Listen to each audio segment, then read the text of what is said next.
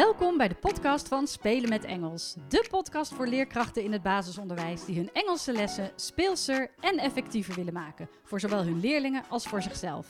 Mijn naam is Lauren en ik vertel je alles wat je wil weten over Engels. Hoe bedenk je inspirerende, afwisselende en communicatieve lessen? Hoe zorg je ervoor dat al je leerlingen betrokken zijn en blijven? Hoe wordt en blijft Engels een vast onderdeel van jullie onderwijsaanbod? Kortom, alles wat je wil weten over Engels op de basisschool. Ik wens je veel plezier met luisteren.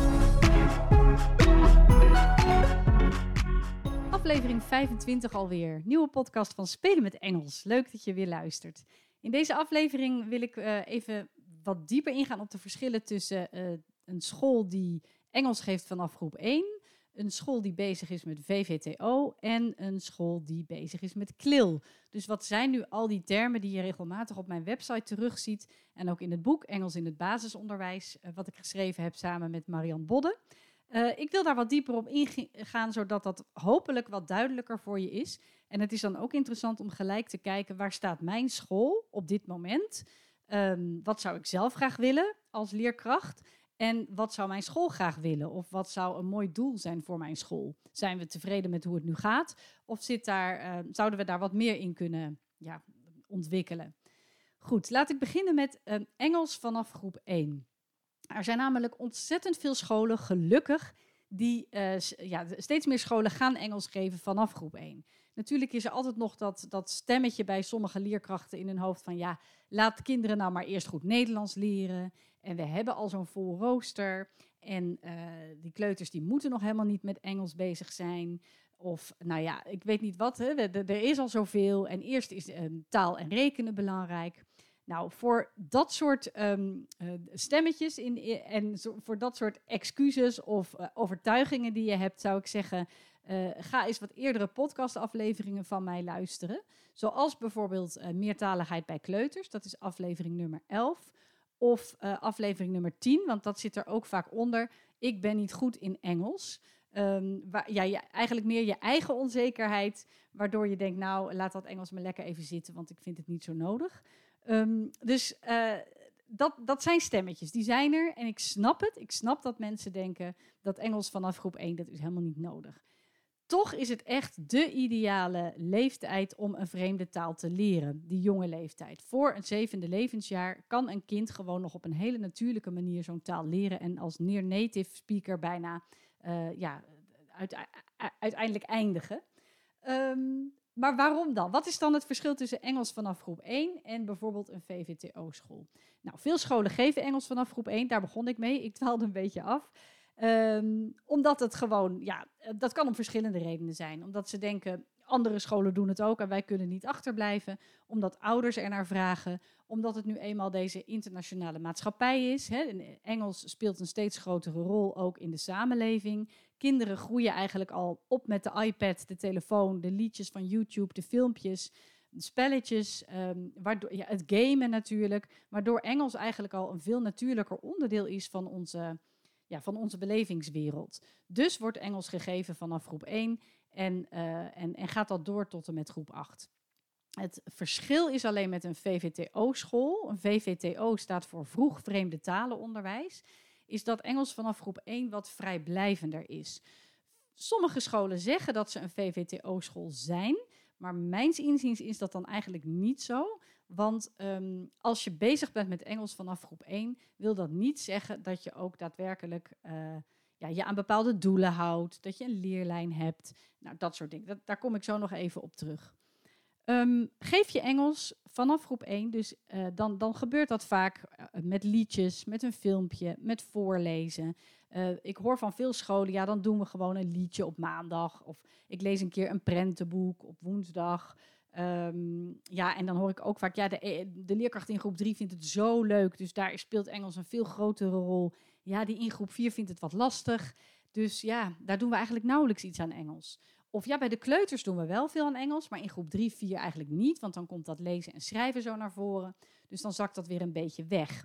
En dan in groep 5 pakken we het weer op met bijvoorbeeld een methode. Um, er zijn ook scholen die gewoon vanaf groep 1 een methode hebben, maar waarvan de kleuterleerkrachten dan weer zeggen: ja, past helemaal niet bij ons, onze manier van lesgeven eigenlijk. Dus we doen die methode ja amper, we gebruiken die amper. Um, nou, en zo, zo heb je ook in de bovenbouw leerkrachten die zeggen, ja, ik doe die methode wel, maar ik vind het eigenlijk niks. Uh, andere bovenbouwleerkrachten, uh, dat weet ik natuurlijk omdat ze mijn online cursussen volgen, die zijn helemaal weg van Engels, vinden het ontzettend leuk om daar extra tijd aan te besteden, bereiden hun lessen goed voor en hebben de meest geweldige lessen, waardoor hun leerlingen super enthousiast zijn. Maar ja, het jaar daarop is er weer een leerkracht die daar wat minder handig in is en die het wat minder leuk vindt en dan zakt dat weer weg. Kortom, als je Engels geeft vanaf groep 1, betekent dat niet dat je ook daadwerkelijk op, op de juiste manier Engels geeft en dat dat dus ook effect heeft op de lange termijn. Ehm, ja, dat is, dat is best een belangrijk ding, want veel scholen schrikken daar wel van.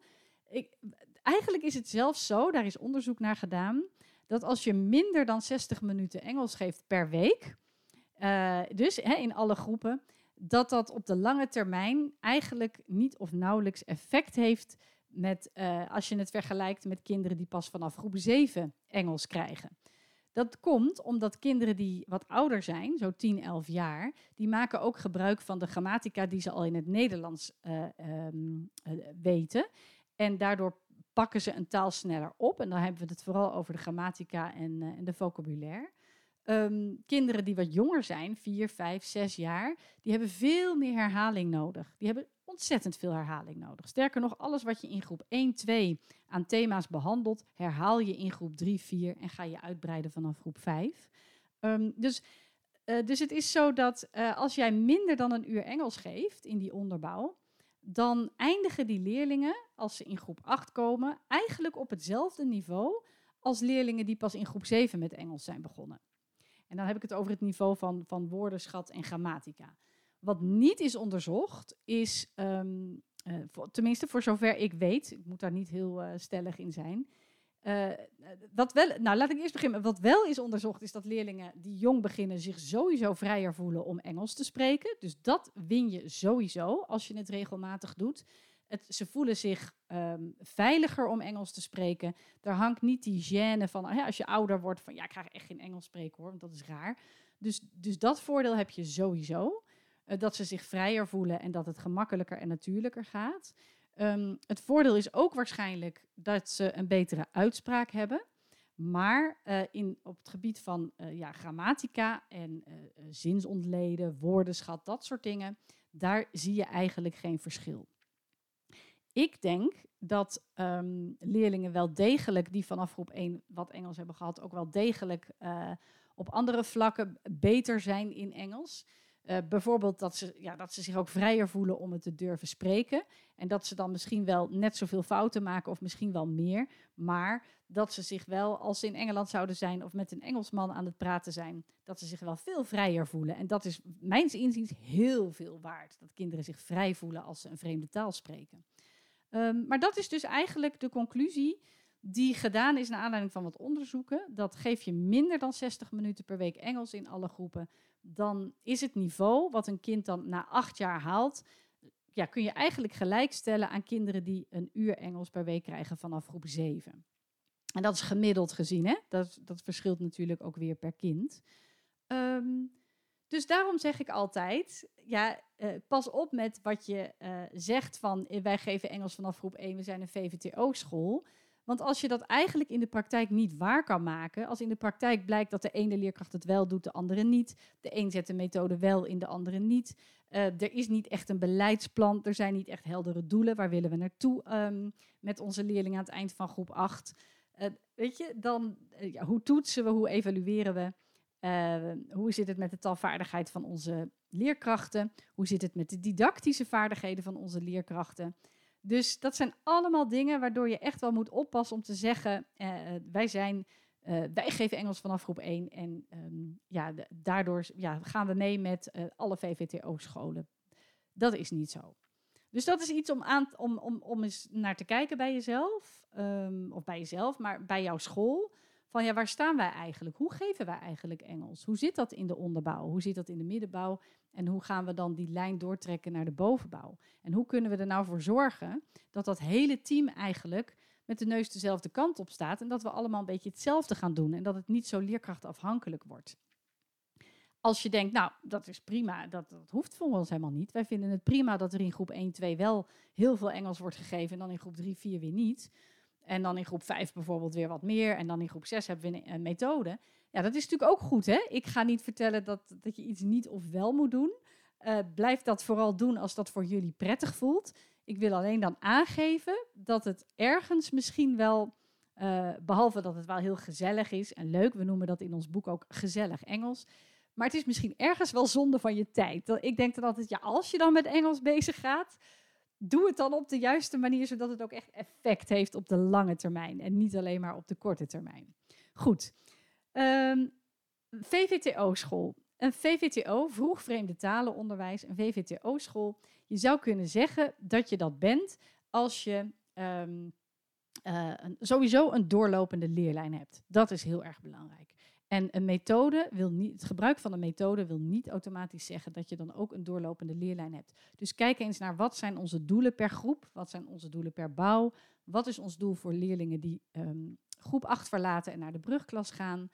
Uh, wat, ja, wat zijn onze doelen en hoe uh, hebben we dat opgesteld in een beleidsplan? Dus dat is één ding. Tweede is dat je in elke groep minimaal één uur Engels per week geeft. En daarbij is het ook belangrijk dat de voertaal Engels is. Als je dan ook nog de helft van de tijd Nederlands gaat praten, ja, dan, ja, dan heeft het echt heel erg weinig effect. En het is ook niet heel erg handig voor kinderen die Nederlands als tweede taal hebben. Maar daarover meer in een andere, die, die heb je, daar heb ik al eerder een podcast over opgenomen. Um, dus minimaal één uur per week Engels. Engels wordt ook daadwerkelijk als voertaal gebruikt tijdens de Engelse les. Je hebt een doorlopende leerlijn en het team is daadwerkelijk getraind, didactisch getraind, om Engels te geven. Ze weten hoe een kind een vreemde taal leert aan de hand van die schijf van vijf. Ze weten hoe ze een goede lessenserie kunnen opbouwen, bijvoorbeeld met uh, het vierfase-model. Uh, wat ik ook, waar ik ook uitgebreid op inga in mijn trainingen en natuurlijk in mijn tweede online cursus. Um, waarin we samen echt een lessenserie gaan uitwerken aan de hand van een thema. Maar dat, dat zijn voorwaarden om echt een VVTO-school te zijn, in die zin dat het effect heeft op de lange termijn.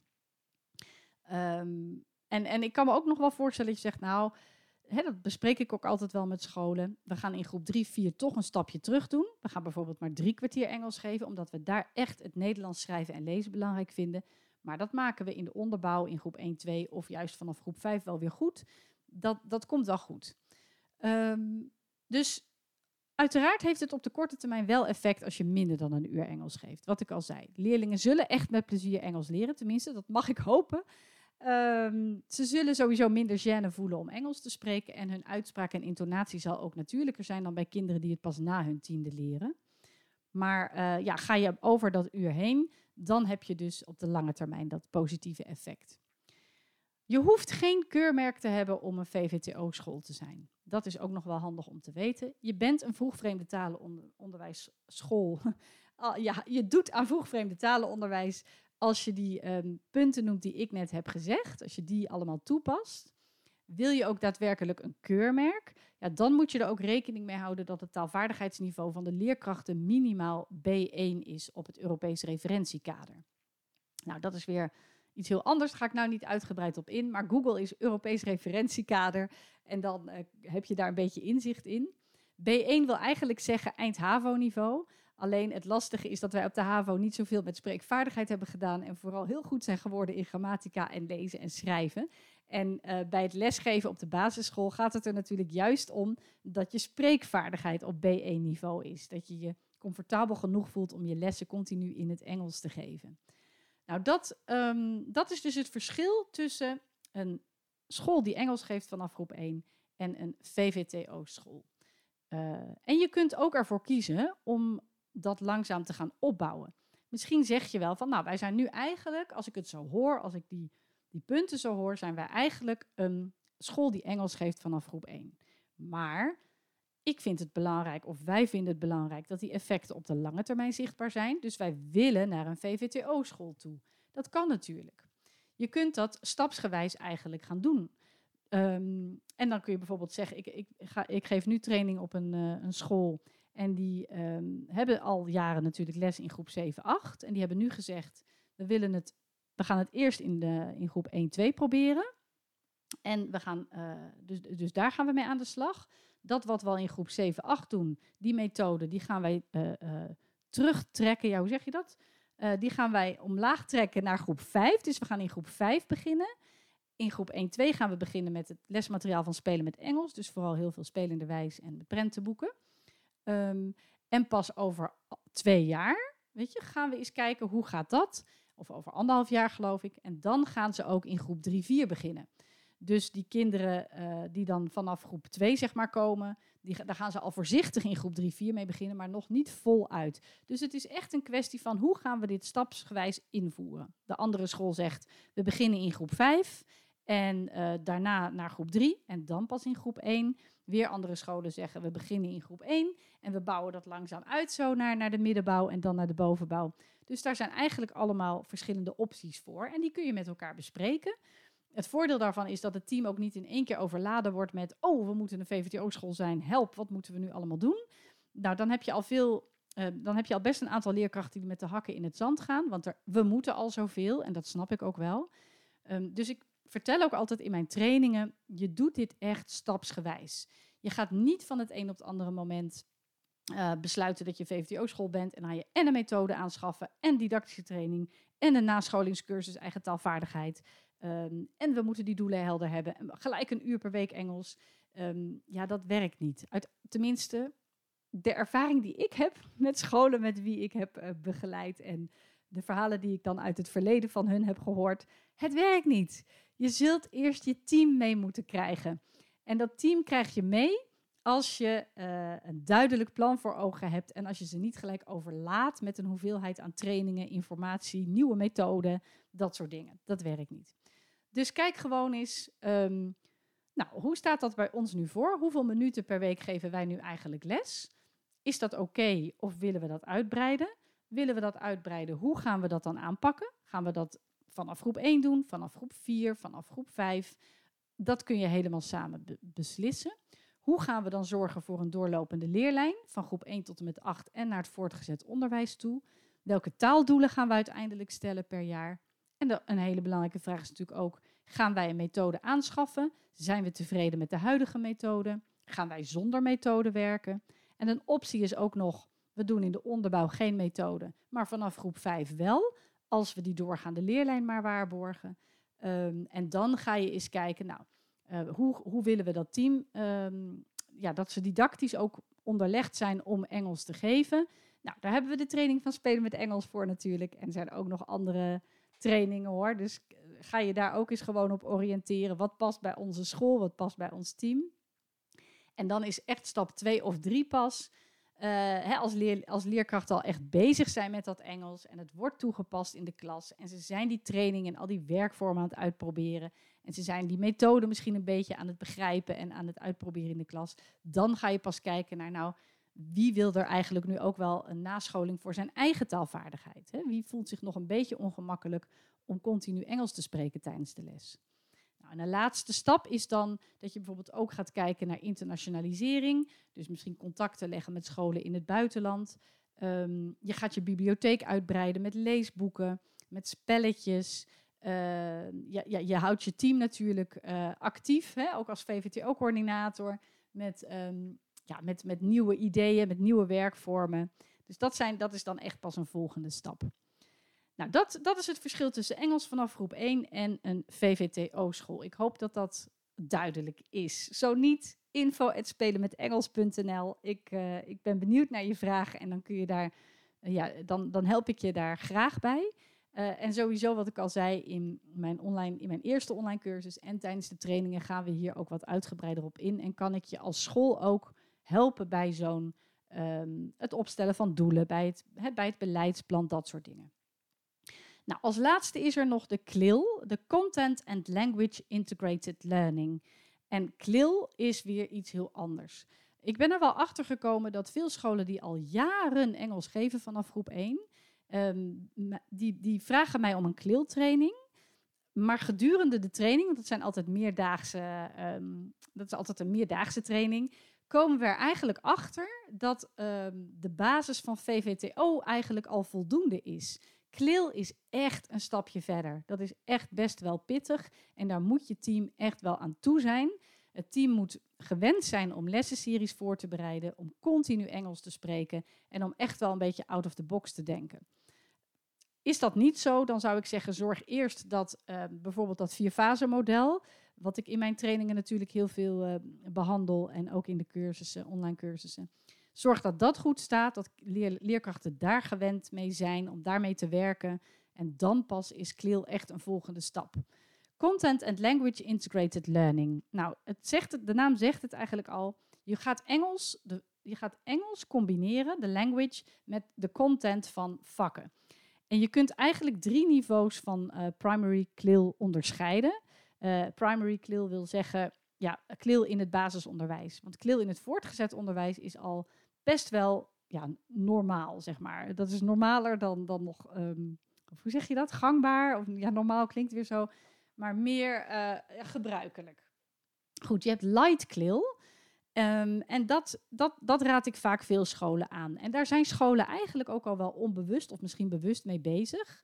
Um, dat is bijvoorbeeld een project in het, uh, in het uh, nee, niet een, project in het Engels, want dan zit je echt wel bij medium CLIL, maar een gedeelte van je Engelse les gebruiken om een ander vak in het Engels te geven. Ja, dat, dat zeg ik misschien niet helemaal goed. Ik had misschien dit iets beter uh, voor kunnen bereiden. Um, maar bijvoorbeeld, dat, nou ja, hè, in de onderbouw kun je eigenlijk altijd wel zeggen dat, dat je met klil bezig bent. De seizoenen bijvoorbeeld, dat is klil. Dat je bezig bent met de seizoenen. Want dat is ook iets van het dagelijks leven en iets wat je in het Nederlands met een ander vak zou doen. Um, en je kan er ook voor kiezen om Engels materiaal juist weer bij een ander vak in te zetten. Dus dat je een Engels werkblad doet bij een, uh, een wereldoriëntatieles. Of dat je een filmpje van uh, Nature laat zien, of met eh, woorden die met, met de nature te maken hebben, of met de aarde, of met het klimaat. Dat laat je zien in je Engelse les. Ja, dat, dat is dan ook klil, dat is dan light klil. Medium klil, dan ga je echt uh, een aantal thema's of gedeeltes daarvan, de gedeeltes van vakken, in het Engels aanbieden. En dan kun je bijvoorbeeld echt denken aan projecten, die je bijvoorbeeld, uh, dat je bijvoorbeeld schoolbreed zes weken lang een Engels project, een, een project pakt en dat ga je in het Engels doen. Uh, bijvoorbeeld meten en wegen, hoe planten groeien, gezond eten, hoe dieren leven, het klimaat, uh, de, de, um, feesten, in, feesten all over the world. Hè? Dus um, dat soort dingen. Dat is, dat is echt medium klil. Um, en dan heb je natuurlijk de real klil. En dat is echt dat je een vast percentage van je vakken structureel um, in de vreemde taal geeft. En dan eigenlijk ook echt wel minimaal weer een uur per week. De vakdoelen en de taaldoelen zijn dan even belangrijk.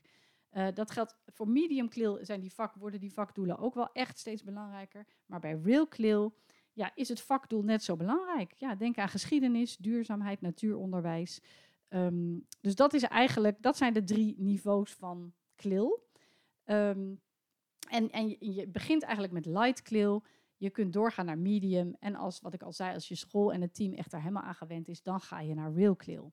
Nou, light CLIL, uh, ik, ik hoor ook veel scholen die zeggen, ja, wij doen aan CLIL hoor, want we hebben zo'n pagina in onze methode en elke laatste bladzij van, de, van, het, van het hoofdstuk, dat is een, een CLIL-pagina. Ja, dat is dus echt de light CLIL. Dat je even zo'n paginaatje doet, uh, dat je kinderen iets even laat onderzoeken. Um, dat is light CLIL medium CLIL echte projecten in het Engels of gedeeltes van vakken in het Engels, waarbij daadwerkelijk ook het vakinhoudelijke doel belangrijker wordt naast het taaldoel. En Real CLIL heb je echt het vakinhoudelijke doel en het taaldoel. En bij Real CLIL uh, is het ook belangrijk dat je, um, ja, dan ga, daar ga ik op een andere pod, in een andere podcast wel wat dieper op in. Maar dan kom je echt bij uh, dat je ook culturele aspecten gaat toevoegen. Dat je um, inhoudelijk gaat toevoegen. De communicatie is belangrijk en ook de cognition. En cognition vind ik altijd, ja, de cognitie. Dus uh, het, het, ook het beetje het, het, vak, het vakoverstijgend denken, zeg maar. Je gaat dan ook uh, kijken welke taalleerlingen nodig hebben om, tot, uh, om in het Engels bij dat thema te blijven. Dat is best wel pittig. Welke taal heb jij als leerkracht nodig? Welke taal hebben mijn leerlingen nodig? Hoe kunnen ze tot een goed einddoel komen? Waarbij ze en ehm, het vak snappen, dus, want dat gaat natuurlijk toch in een andere taal, in het Engels. En waarbij ze bijvoorbeeld ook daadwerkelijk zelf iets in het Engels kunnen vertellen over dat vak. Want dat is uiteindelijk ook de bedoeling. Ik kom ook nog wel eens op scholen die zeggen dat ze aan klil doen, maar eigenlijk zijn de leerkrachten dan voornamelijk aan het woord. Dus de leerkrachten zijn heel veel input aan het geven en kunnen heel goed Engels en hebben het inderdaad over hele ingewikkelde onderwerpen. Maar de leerlingen die blijven eigenlijk alleen maar, uh, het blijft alleen maar bij luistervaardigheid. En bij echt, als we het echt over klil hebben, is het de bedoeling dat leerlingen zelf ook daadwerkelijk in het Engels iets in dat, met dat vak kunnen. Ehm, dus dat het een vaardigheid wordt en niet alleen maar dat ze iets weten. Goed. Nou, dat wilde ik even kort over klil zeggen. Wat ik zei, uh, is echt een heel uitgebreid onderwerp. In, um, ook in ons boek Engels in het basisonderwijs vind je daar een uitgebreid hoofdstuk over, hoofdstuk 6. Um, ehm, waarin we echt diep ingaan op de theorie van klil. En daar moet je echt wel even voor gaan zitten, want dat, dat is gewoon best wel pittig.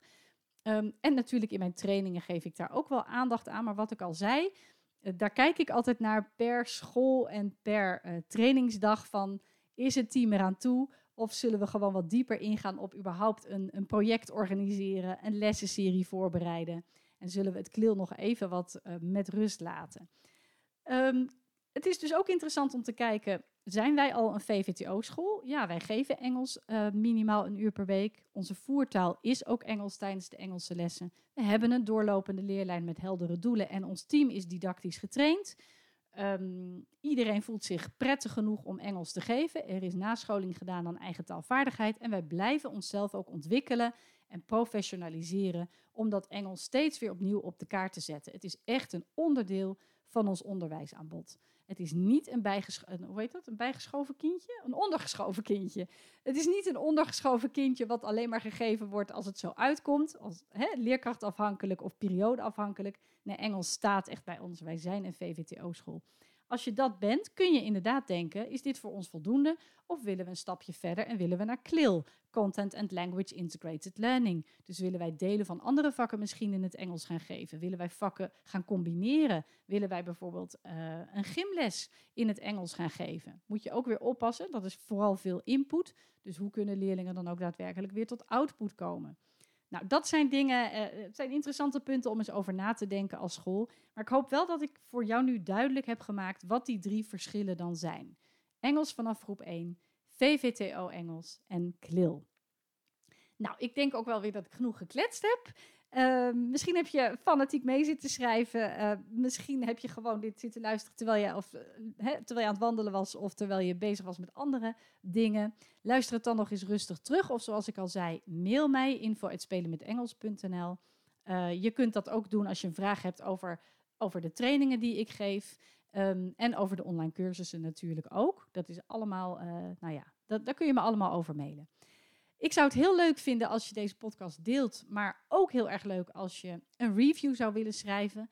Dan kan ik, hè, dan, uh, hoe meer reviews er zijn, dus meer beoordelingen of feedback, dan um, dat kan bijvoorbeeld bij iTunes. Dan wordt die podcast ook weer wat populairder en kan ik weer meer leerkrachten bereiken. Um, om, ja, dat vind ik gewoon heel leuk. Ik vind het leuk om zoveel mogelijk leerkrachten in het basisonderwijs te bereiken en te inspireren om, um, om met Engels aan de slag te gaan. En om dat niet alleen spelenderwijs en communicatief te doen, maar ook professioneel. En niet zo even hapsnap tussendoor. Dankjewel voor het luisteren. En uh, nou, dit is de laatste podcast ook, bedenk ik me nu, van 2021. Dus um, ik ga je bij deze ook een hele fijne uh, kerst wensen. Een hele fijne kerstvakantie. En ik wens je ook een prachtig nieuw jaar. En vooral een gezond en liefdevol jaar. Um, ja, met, met, met heel veel plezier tijdens het lesgeven natuurlijk. En met hopelijk heel veel leuke Engelse lessen.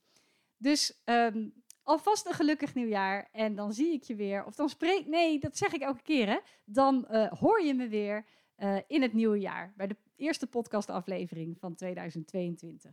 Doeg! Wat leuk dat je luisterde naar deze podcast. Heb je nog vragen? Bijvoorbeeld over het voorbereiden van een les, het uitvoeren van een werkvorm of over Engels bij jou op school? Of wil je misschien meer weten over de studiedagen, de online cursussen en het lesmateriaal dat Spelen met Engels verzorgt? Je kunt me altijd mailen op info@spelenmetengels.nl. En ook op de website, de Facebookpagina en het Instagram-account vind je enorm veel inspiratie. Het is mijn doel om alle leerkrachten in het basisonderwijs met plezier hun Engelse lessen te laten voorbereiden en te geven. Dus als je deze podcast zou willen delen met collega's of op social media, dan stel ik dat enorm op prijs. En vergeet dan niet spelen met Engels te taggen. Nogmaals bedankt voor het luisteren. Heel veel plezier met je Engelse lessen en tot een volgende keer.